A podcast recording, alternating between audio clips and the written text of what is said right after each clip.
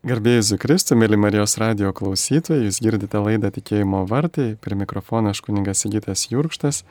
Šiandieną mūsų laidoje e, yra medicinos profesorius Andrius Macas, kuris yra anesteziologijos klinikos vadovas, Lietuvos sveikatos mokslo universiteto medicinos e, fakulteto dekanas. Sveikinuosi su jumis, sveiki, garbėjus Zukristai. Per amžius. Labai džiaugiuosi, kad e, sutikote ateiti laidą ir mes praeitoje laidoje kalbėjome, e, kodėl Dievo sukurtame pasaulyje tiek daug skausmo ir aptarėme tą skausmo temą, kad, kad skausmas iš tikrųjų yra reikalingas ir netgi gyvybiškai svarbus e, tiek žmogui, tiek kitiems gyvūnams, tiek ir galiausiai mūsų dvasiniam gyvenimui. Jis yra kaip tai, kas mobilizuoja mus ir padeda gerai panaudoti likusią laiką gyvenime Jeigu norėsite, galite paklausyti to, tos laidos įrašo mediatekoje. Ir šiandien mes pratesime tą temą ir e, panagrinėsime tam tikrų filosofų, ypatingai graikų filosofo Epikūro argumentus. Štai Epikūras, jisai, žinom, jį iš tų e, kaip hedonistų filosofų, kurie sakydavo, kad reikia gyventi šią dieną ir naudotis visais jos malonumais. Ir jisai buvo atradęs tokį argumentą prieš Dievo buvimą, vadinama kančios blogio problema. E, kaip Dievas gali būti geras ir visagalis, jei pasaulyje yra tiek daug skausmo ir kančios? Va, pagrindinė epikūro argumento mintis yra paremta tokiu įsitikinimu, kad jei Dievas yra visagalis, visiškai geras, visapusiškai teisingas, tai turėtų būti galima išvengti žmonių kančios. Tačiau matydami, kad pasaulyje egzistuoja daug kančios ir blogio, mes galime padaryti išvadą, kad toks Dievas neegzistuoja. E, epikūras teigia, kad kančios ir blogio egzistavimas prieštarauja to gero ir visagalio Dievo buvimai trimis būdais. Pirmas, tai jeigu Dievas yra galingas, bet nenori panaikinti blogio, tai reikštų, kad Dievas nėra visagalis, nes gali atsirasti blogis, kurio jis negali panaikinti. Arba antras dalykas, jei Dievas nori panaikinti blogį, bet negali, tai rodytų, kad Dievas yra bejėgis ir nesugeba įvykdyti savo valios. Arba jei Dievas yra galingas ir nori panaikinti blogį, bet ir gali panaikinti blogį, bet nenori, tokiu atveju Dievas e, būtų nedoras, nes neveikia, nors galėtų padėti žmonėms išvengti kančios. Taigi pagal epikūrą žmonių kančia ir blogis pasaulyje yra įrodymas, kad visagalis, visiškai geras, visapusiškai teisingas Dievas neegzistuoja ir nors epikūras jisai pripažino, kad pasaulyje gali egzistuoti dievų, e, bet jie yra arba abejingi žmonių likimai, arba netobuli, neturintis visagalybės. Kaip jūs, gerbiamas profesoriu, atsakytumėte šitą blogį ir kančios problemą? Tai labai dėkoju, sveikinuosi su gerbiamais um, klausytojais ir jau pirmoje ankstesnėje laidoje kalbėjom, kad tikrai skausmas yra galbūt e, simptomas, galbūt signalas visų pirma kūnui, kad kažkas vyksta ir kad tai yra kaip tik visada skausmui turim padėkoti, kad jis gelbsti mus nuo nudegimų, nuo, nuo traumų, nuo to, kad mes laiku kreipiamės į gydymo įstaigą. Be abejo, užtrukęs skausmas turi būti suprastas ir tvarkomas. Ir to tvarkymo metodų yra daug. Bet grįžtant prie šito klausimo šiandien laidoje, tai tikrai E, man linksmai aš žvelgiu į gerbiamą epikūrą, suprantu ir tą kontekstą, kaip jūs minėjote apie e, tą aplinką. Man tokia mintis e, jau čia kirbėjo anksčiau, kad kančia ir blogį lyginti tai tas pats, kas e, žalia ir didelį. E, žinot, na visai tos e, visai čia kitos dimensijos yra ir jų tapatinti tikrai neišeina. Bet jeigu trumpai mm, e, atsakyti, tai visų pirma ir šiomis dienomis mes turime labai daug liaudės epikūrų, kurie mus skatina paneigti kančią, kurie mus skatina leistis į e, malonumo paiešką arba į to bent jau ramybės, tokios be problemų paiešką, nes mes nusipelnome. Aš nežinau, ko mes nusipelnome, čia dar labai didelis klausimas, ar ko nors iš viso nusipelnome ir ar Dievas e, yra mums skolingas, tai mano mintimis tikrai ne, mes, mes tik tai galim būti jo skolininkai. Bet tebūnie ir tų liaudės epikūrų šių laikų yra labai daug. Ir čia tikrai su visa pagarba, nes matyt, kad žmogus buvo gilus mąstytojas ir logiškai dėlioja argumentus pagal visus logikos dėsnius, bet visgi man atrodo, kad šitos kategorijos arba dimensijos nėra palyginamos ir jos neteisingai prieš pastatomas. Aš tai labai trumpai galvočiau atsakyti taip. Jeigu mes turime vaiką, kuris labai nori žaislo arba vis nori ledų. Ir jeigu tėvas arba mama vis perka ledus, vaikas sugadina dantukus, vaikas įgyja didelio viršsvario. Taip, tenkinamas jo poreikis ir jis nepatiria to pasipriešinimo tam savo kaprizų ir panašiai. Tai žinot, jeigu Dievas eitų tuo keliu, kad visur tenkintų žmogaus lūkesti, tai mes turėtumėm tikrai labai greitai ne žmogų kažkokią būtybę, kurios tikrai nenorėtų niekas sutikti gatvėje. Ir labai neramu, kad e, pasaulyje šiomis dienomis labai daug kalbame apie tas vad galimybės, apie gyvenimą be skausmo, apie noro išpildymą, teisų išpildymą, bet nekalbame apie tam tikrą staptelėjimą, apie pareigą, kuri yra kartais sunki, bet jos, na, vis tiek pasiekti vaisiai yra saldus. Tai ir su skausmu. Skausmą vadinti kaip blogį yra klaida Skausmas, kaip jau minėjome praeitoj laidoje, yra reikalingas, jisai yra būtinas, e, tik tai e, tas skausminis atsakas arba atsakas į skausmą, ūminis skausmas kaip vedliai, kad turi būti tvarkomi dalykai.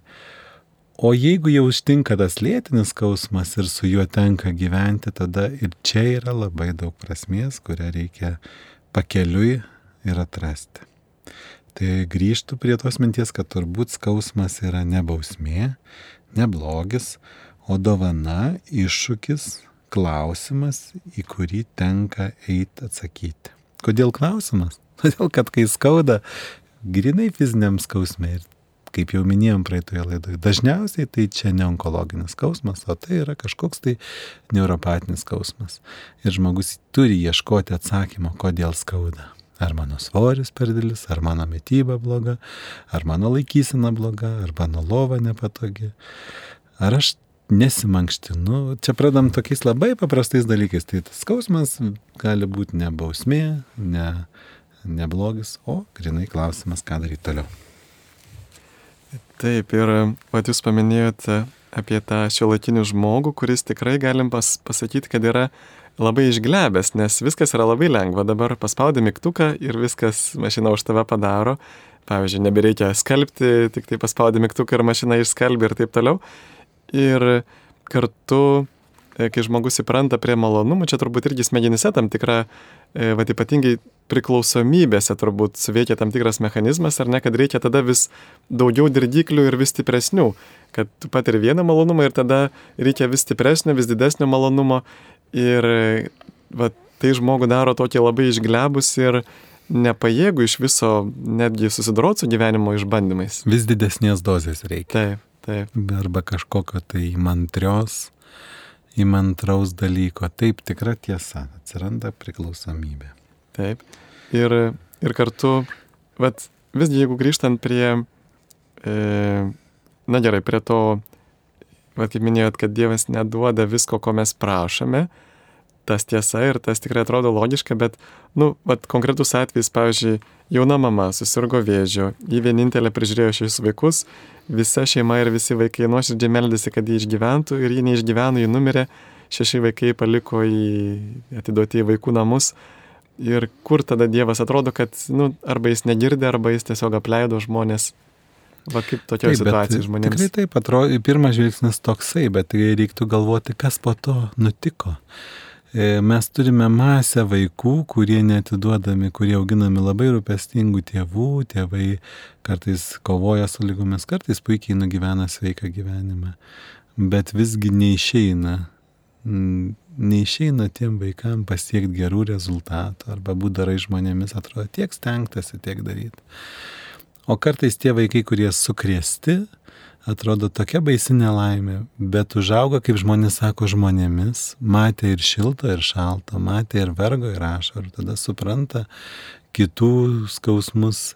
Ir turim pripažinti, kad tie vaikai, kurie augę nepritekliuje, kurie turėjo, atsimenat, savo tėvus turbūt, arba tie, kurie augo dar pokarį, kai reikėjo ir iki mokyklos basomis nueiti, kai batus gaudavo tas vaikas, kuris turėdavo, kuris pirmas iššokdavo į batus, kiti eidavo rudenį be batų, kai reikėdavo ir gyvulius pasišerti, ir, ir pamelžti juos, kad būtų ką grįžus valgyti. Ir, Ir matom, kokius, kokių jie pasiekė aukštumų, visko buvo. Buvo ir nesėkmių, lyg čia negali taip labai suprimityvinti ir, ir, ir nubriežti, kad čia bus gerai. Tai ta mamos netektis gali būti kaip tik didžiulis postumis visam gyvenimui. Ir vėlgi, kaip ir anoj laidoje minėjau, kad kartais nelaimė, didelė nelaimė gali apsaugoti nuo labai baisios tragedijos, kur mes nežinom, kas būtų, jeigu būtų. Taip, ir čia irgi dar man kilo mintis, e, matant, e, kad ir artimo žmogaus vargą, e, va pavyzdžiui, iš savo gyvenimo prisimenu, kad aš gyvenau su mama tik tai ir mama viena turėjo manimi rūpintis ir vienu momentu, kada jie išmetė iš darbo ir aš dar buvau mažas vaikas ir jinai, na, turėjo gyvenime kažkaip tai va, kabintis ir save ir mane išlaikyti. Ir prisimenu, jinai irgi tokį labai labai sunku darbą dirbdavo, kur reikėdavo jai keltis antrą valandą nakties ir su didžiulėmis, didžiulėmis tašėmis e, važiuoti su autobusu, ten užsiimti naktį vietą, laukti ten pirkėjų ir taip toliau. Ir man kažkaip tas momentas, kuris jai buvo kaip pragaras, e, man tai buvo toks kaip e, didžiulės jos meilės man įrodymas, kad bet jinai štai šitaip stipriai vargsta dėl, dėl to, kad galėtų mane užauginti, kad man nieko netrūktų.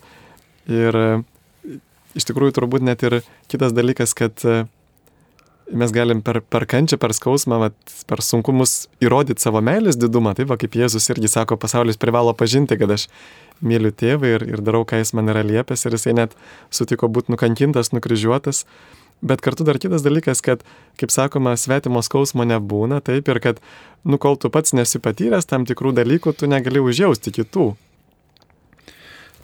Turbūt visi esam patyrę skausmą. Taip, patyrę trumpą skausmą, kiekvienas žmogus patiria jį dažnai ir kartais ilgiau. Tai visai sakyti, kad žmonės ne, nesupranta, tai irgi yra neteisinga.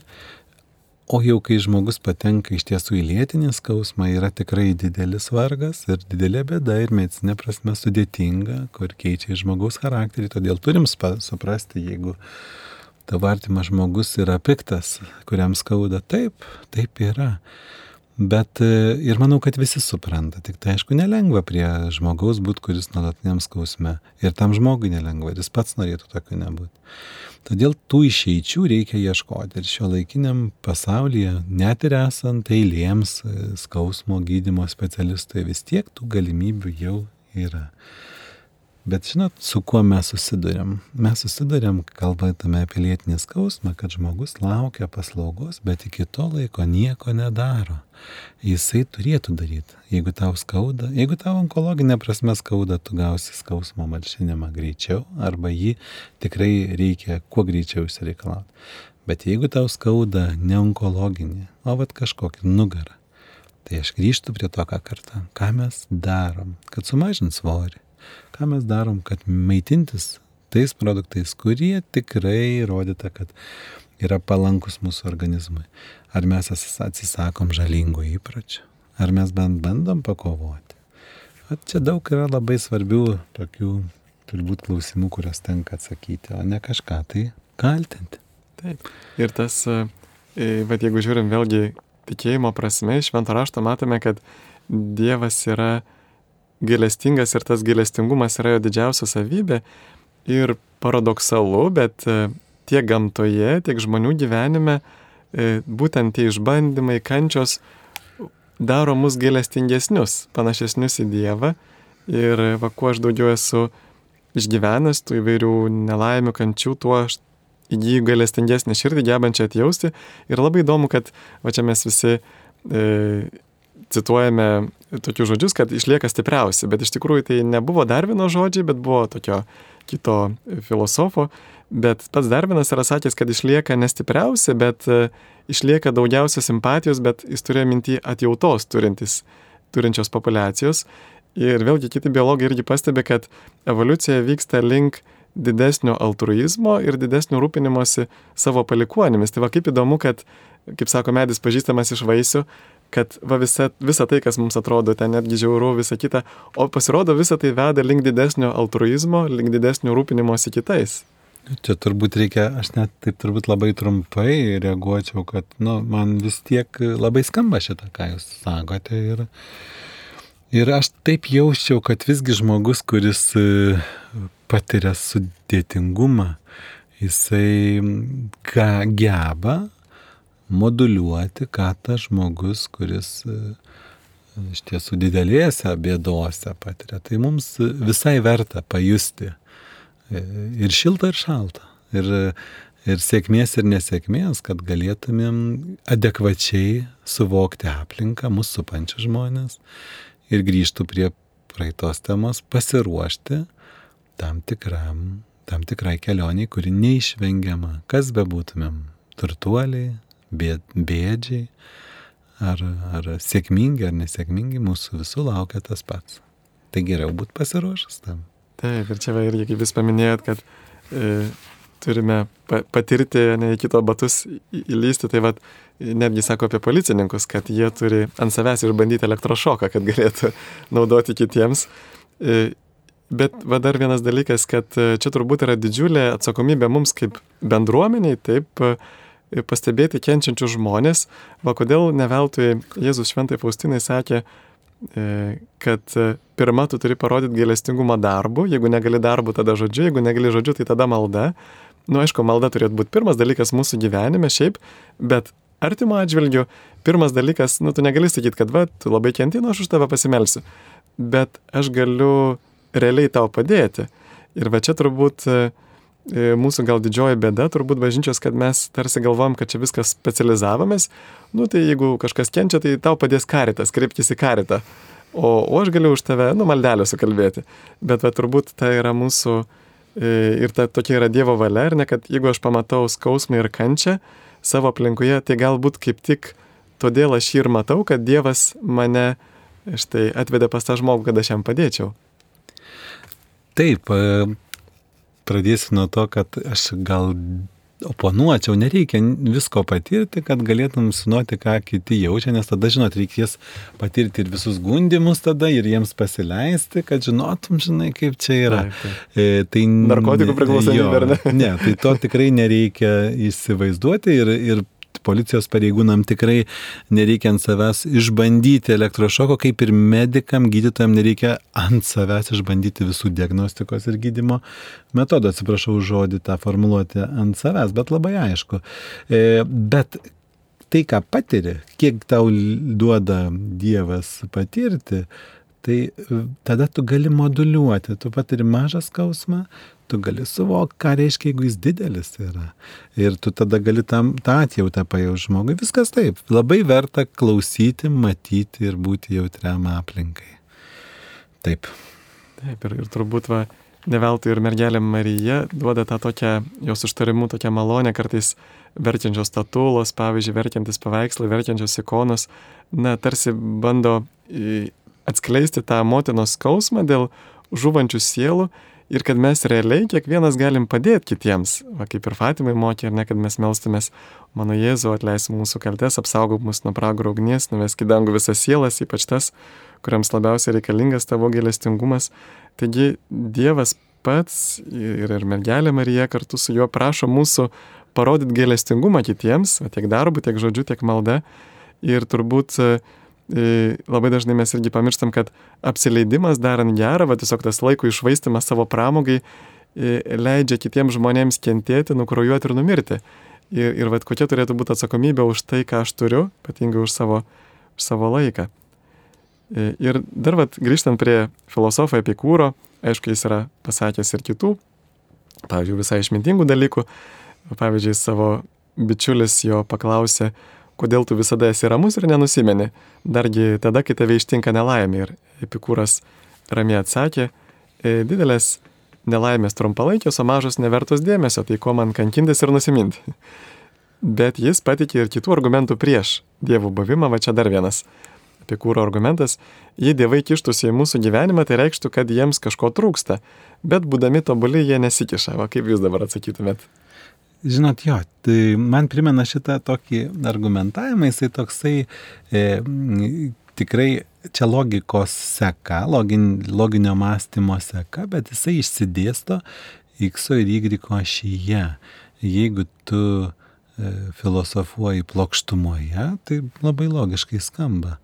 Bet e, ar tikrai mūsų gyvenime yra tik plokštumos? Tikrai ne. Yra daug daugiau. Tai man e, toks trumpas būtų atsakymas, kažkur aš pasigendu trečios dimensijos, kuri būtų ta, ta zetašis arba e, kai jau mes kalbam apie turinį indą, ne apie plokštumą, ne apie sieną, bet apie kambarį. Ir va čia tada jau atsirastų visai kitokia argumentacija. E, šita atrodo labai logiška, bet jinai grinai plokštumoje, bet tik ir tiek. O kur perspektyva, kur, kur trečioji dimensija, kurios įrodymų netiesioginių ženklų mes turime tiek daug? Ir tie patys filosofai, jeigu pradėtų klausti, e, paimtų kitą plokštumą, kas yra kūrėjas, e, arba kaip kažkas atsirado, kas buvo prieš tai, kas kol atsirado, žinot, va tada ir va jau atsirastų jau antra plokštuma ir mes sudėliotumėm tą turinį indą arba va tą kambarį, kurioje labai paaiškėtų, kad visgi yra, yra ta perspektyva. Ir, o jeigu atsakyti taip labai paprastai, na tai e, Dievas, net ir mūsų, kodėl nesikiša, ne, kodėl Dievas neparodo, nepagrumuoja pirštelių, tarkim, aš darau kažkokį tai blogą dalyką, man skauda nugarą ir kodėl nenusileidžia ir sako, žmogau, nu gal jau atsipeikėk. Tai e, visų pirma, kad jis myli mūsų laisvę arba absoliučiai pagerbė laisvę. Ir tas pagerbimas daro mus, e, tik įrodo, kad jis mus sukūrė panašius pagal tą savo paveikslą. Ir ta pagarba yra be, ne tai, kad begalinė, bet nediskutuojama. O jeigu Dievas vis nusileidinėtų arba per, per angelus mojuotų, grumuotų, tai mes gyventumėm tokioj policiniai e, e, policiniam pasaulyje, kur tu tik tai pakeli ranką, tau iš karto e, raudonas šviesaforas. Tai yra tokių valstybių, kurios dabar m, mm, viską filmuoja ir nusiteikia kiekvienoje vietoje baudos taškų parašyti. Na tai visai nepatiktų mums taip ir sakytumėm, koks čia tas dievas, prievaizdas kažkoks tijūnas, kur čia su bizūnu stovi, tai koks tas gyvenimas. Nėra prasmės ir dar po mirties reiks su juo ten būti. Tai, nu, ne, aš tai sakyčiau, kad Dievas gerbia mūsų laisvę vienareikšmiškai ir kviečia įsiklausyti, kviečia žiūrėti. Ir dar aš dėl skausmo, žinot, skausmas ir blogis. Kas yra blogis, tai yra turbūt labai aišku, dešimt Dievo įsakymų. Meluoji, blogis, nemeluoji, gerai. Žudai, blogis o kur skausmas yra parašyta, kai vardintas kaip blogis? Nu, nėra, čia tokia viskai šiek tiek sugrįžimas. Tai manau, reikia visų pirma matyti, kad Dievas e, absoliučiai mumis pasitikė kaip laisvais ir suteikia absoliučią laisvę. Ir nereguliuoja, bet kviečia atkreipti dėmesį ir pasirinkti jį. Taip, jeigu mes dar turim ir, ir sąžinę, va tą Dievo balsą, kuris švelniai mums kalba, bet e, kiekvienas žmogus, jeigu norėtų klausytis, jį galėtų išgirsti, mus perspėja tarsi toks vidinis kompasas. Taip. E, gerbiami klausytojai, girdite laidą Tikėjimo vartai. E, šiandien kalbamės apie tai, kodėl Dievo sukurtame pasaulyje atrodo yra tiek daug skausmo. Jau yra laidos antra dalis. Ir su mumis yra gerbiamas medicinos profesorius Andrius Macas, Kauno anesteziologijos klinikos vadovas, taip pat e, e, medicinos fakulteto dekanas sveikatos mokslo universitete. Ir e, štai mes tęsime toliau mūsų pokalbį. Dar Epikūras yra pasakęs, kad viskas pasaulyje aklas atsitiktinumas. Bet va, kai jūs medicinoje studijuojat žmogaus kūną, ar jums panašu, kad jis atsirado atsitiktinai, ar labiau susidaro toks, nu, ar susidaro toks vaizdas, kad žmogaus organizme yra pilna nereikalingų organų, kad jie yra prastos kokybės, neoptimaliai veikiantis, neoptimaliai suderinti. Nu, pavyzdžiui, kad protingas žmogus padarytų daug geriau negu kažkokia akla kvaila atsitiktinė evoliucija. Ir kai žvelgia į vidinės va, sistemas, e, kaip Jūs galvojate, ar čia yra daugiau chaoso negu tvarkos? O ne, žmogaus organizmas yra, na, tokia kūrybos, e, jeigu taip sakyt, kūrybos fenomenas arba, nu, viršūnė, jeigu sudė dar ir žmogaus gebėjimą mąstyti greta kūno, bet jeigu net atriboti, vien tik tai nagrinėti kūną, tai tai, ką matome mes, kad jis taip yra surėdytas, iš tiesų kaip e, tūkstančiai šveicariškų laikrodžių vienoje vietoje, kurie turi neįlinį gebėjimą adaptuotis. Mes, kad suvoktumėm, ką žinome, pavyzdžiui, apie vieną organą, atrodo, tarkim, inkstai, čia tik tai, na, šalinam skyščius ir, ir nereikalingas medžiagas, bet inkstai turi dar dešimtis ypatingų funkcijų. Būtent be šitų funkcijų mes tikrai, e, na, pražūtumėm. O tada oponuojantis gali sakyti, kad jeigu žmogus vat, susirga inkstų lyga ir netenka inkstų, tai tas, tas, ką daro inkstai, perima kitos mūsų, kiti mūsų organai. Labai įdomus dalykai, labai sprendimai organizme mūsų yra unikalūs ir mano įstikinimu žmogaus organizmas yra unikalus. E, dėl atsitiktinumo, tai vienas iš Dievo vardų mes žinome yra atsitiktinumas, tai galima jį vadinti, žinot, kaip jeigu kas žiūrėjo tokį, nežinau, vaikišką, nevaikišką filmą ir ten e, tokia princesė Fiona sako, kad šrekai šrekai, jinai apsipažįsta, į Katiną pavadina. Į Katiną sako, kad na tau galiu būti ir šrekas. Tai jeigu e, pageidauja kažkoks mąstytojas e, sakyti, kad čia viskas atsitiktinumas ir tik tai taip supuolė, tai kaip ponuliui patogiau, tai galim ir vadinti, kad čia atsitiktinumas. Bet, žinot, nieks nesukurtumėm tokio organizmo kaip žmogus. Ir e, visi ką mes ten žmogus bando išmokti klonuoti, tai bus tik tai at, pabandymas atkartoti, prigauti kažkokią tai sistemą ir atkartoti, bet savo sukurtą. Ką mes galim savo sukurti, mes tiek metų tūkstantmečių kuriam, bet va, taip riboti esam.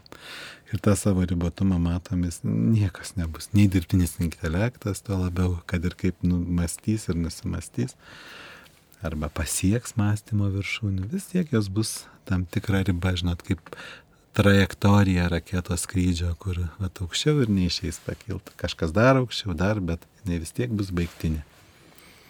Jo, ir tikrai jūs paminėjote apie tuos dirbtinius bandymus sukurti. Aš prisimenu, kažkoks buvo projektas, net milijardinis, e, sukurti dirbtinę žmogaus širdį. Ir kad ir kiek jie vargo, vis tiek jiems nepavyko tokio organo sukurti, kuris vat, bent jau iš dalies perliktų širdžiai. Ir tų dirbtinių mėsyčių yra kurtų, kur jau čia mes nereiks viską į parduotuvę atvežti, tik tai dirbtinės mėsos arba audinio, bet nelabai tos mėselės skanios ir, ir nelabai kol kas jos, o tas kol kas jau aš 40 metų nuo mokyklos suolo girdžiu, kaip čia bus viskas skanu ir gerai ir nėra. Taip nėra ir nėra. O gal jūs galėtumėt va daugiau šiek tiek papasakot e, mums, kaip sakyt, pasauliečiams medicinoje apie va, tokius dalykus, kurie yra jums tikrai stebėtini, va, kad galėtume kontempliuoti, va, kaip kontempliuojam gamtos grožį, va, tą visatos sudėtingumą, suderintumą, o va, kad galėtume dar pažinti giliau, va, kas dar žmogaus organizme yra tokio stebėtinai, e, taip gražiai suderinta, tiksliai, nu, va, tokio, ką dar galėtume papasakoti apie ne, organizmą? Ne kiek e, tokių paprastų dalykų, tai žinot, kokią sistemą be paimsi, kodėl žmogaus kraujas tinkamu metu kreša, o kitų metų nekreša, kodėl žmogus nes, ne, neužsitrombuoja, ar ne, kodėl mes vaikštam ir ar, ar vartojam skyščius, ar jų per mažai vartojam, vis dar gyvenam. Bet kodėl nenukraujuojam, jeigu kažkas nutinka. E, man turbūt ir tokį, kiekvieną ką be paimsi, paimk širdį, kodėl jinai nepavargsta tiek metų. Tiek mm. metų, juk raumuo mūsų pavargsta. Nu gerai, čia kažkoks specialus raumuo, bet kodėl ją veda kažkoks vedlys. E, kodėl jinai plaka? kodėl jinai plaka. Na gerai, yra ritmo vedlys, čia yra laidžioji sistema, bet vis tiek tokių, vad ką be paimk, paimk žmogaus širdį, paimk žmogaus plaučius, tokie keisti, e, keistas audinys. Įdomiausia turbūt, kaip žmogus masto, kaip mintis gimsta tuose tarptų neuronų. Net ne reflekso lankai, kuriuos mes čia išmokinti, ar ne, kurie irgi svarbus, apie skausmą kalbėjom, kad atitraukiam ranką dėka skausminio dirgiklio, reflekso lanko ir taip toliau. Bet kaip gimsta mintis, kaip mes filosofuojame. Ir čia viskas žmogaus e, tokia aukščiausia turbūt, bet kodėl žmogaus organizmas man atrodo ypatingas, net lyginant prieš kitą gyvūnyje arba prieš kitas rūšis žemėje gyvasias, tai tas gebėjimas mąstyti, gebėjimas sintezuoti, gebėjimas daryti kažkokias tai išvadas. E, tai klausimas, kaip gimsta mintis mūsų smegenėse? Ar jau galima atsakyti? o dar turbūt labiau atsakysiu iš savo srities anesteziologijos.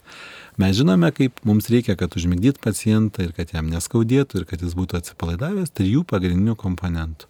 Reikia miego, reikia raumenų atpalaidavimo ir reikia nuskausminimo. Tai kaip veikia raumenų atpalaidavimas mes žinom, už tai net Nobelio premija yra duota prieš mažiau nei šimtą metų, kaip veikia nuskausminamieji, mes žinom, bet kaip mes sukeliam miegą, mes naudojam vaistus, bet jų mechanizmo mes nežinom.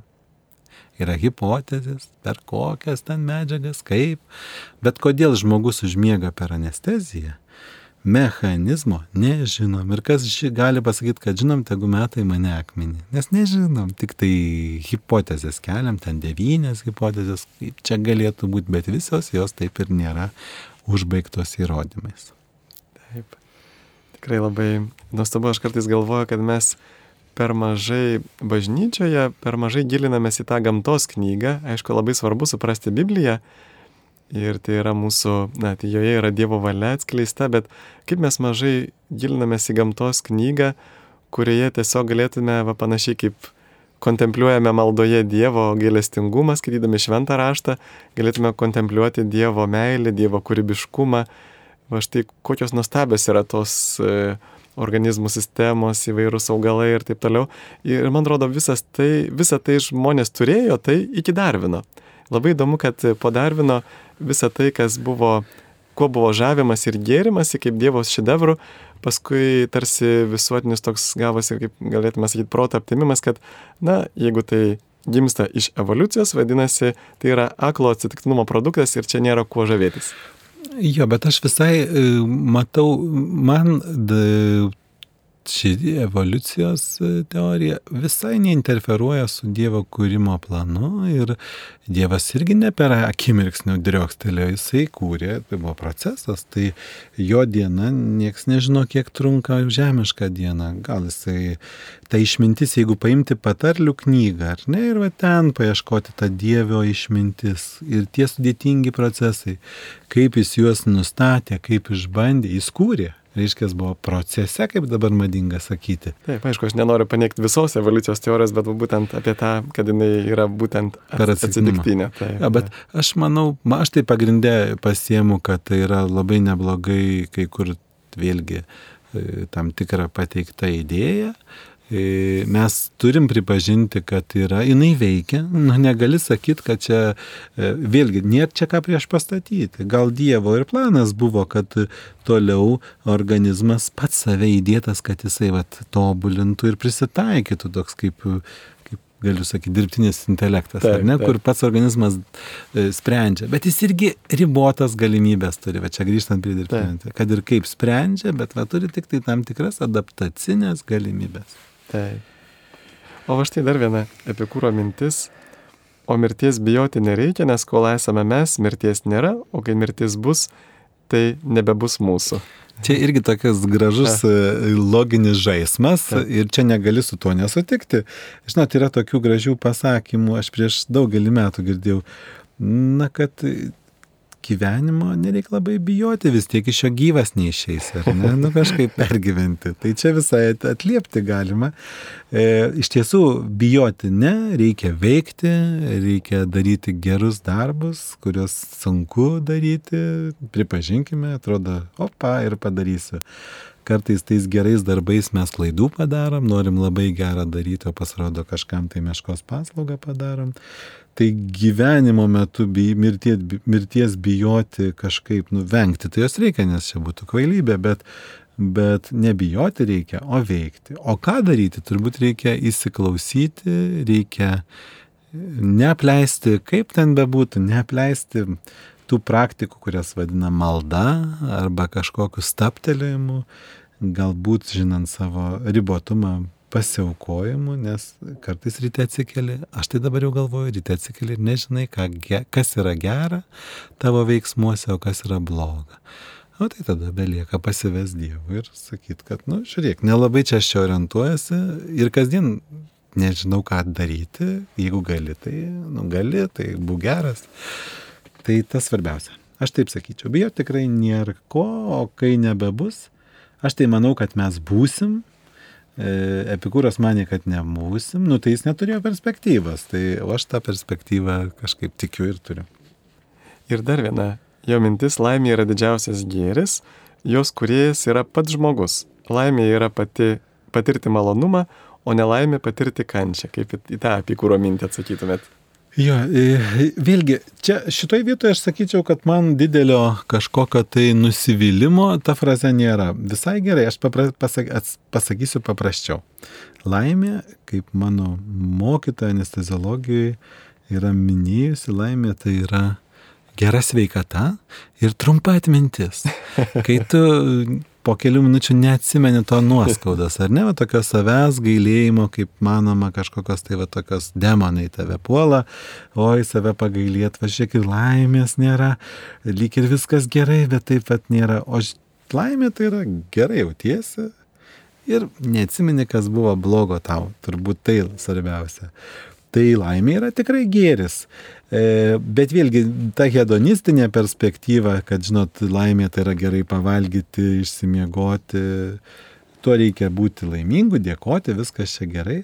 Bet e, ir žmogus tikrai kūrė, bet jis tikrai nuo jo viskas nepriklauso, dalis tik tai dalykų priklauso.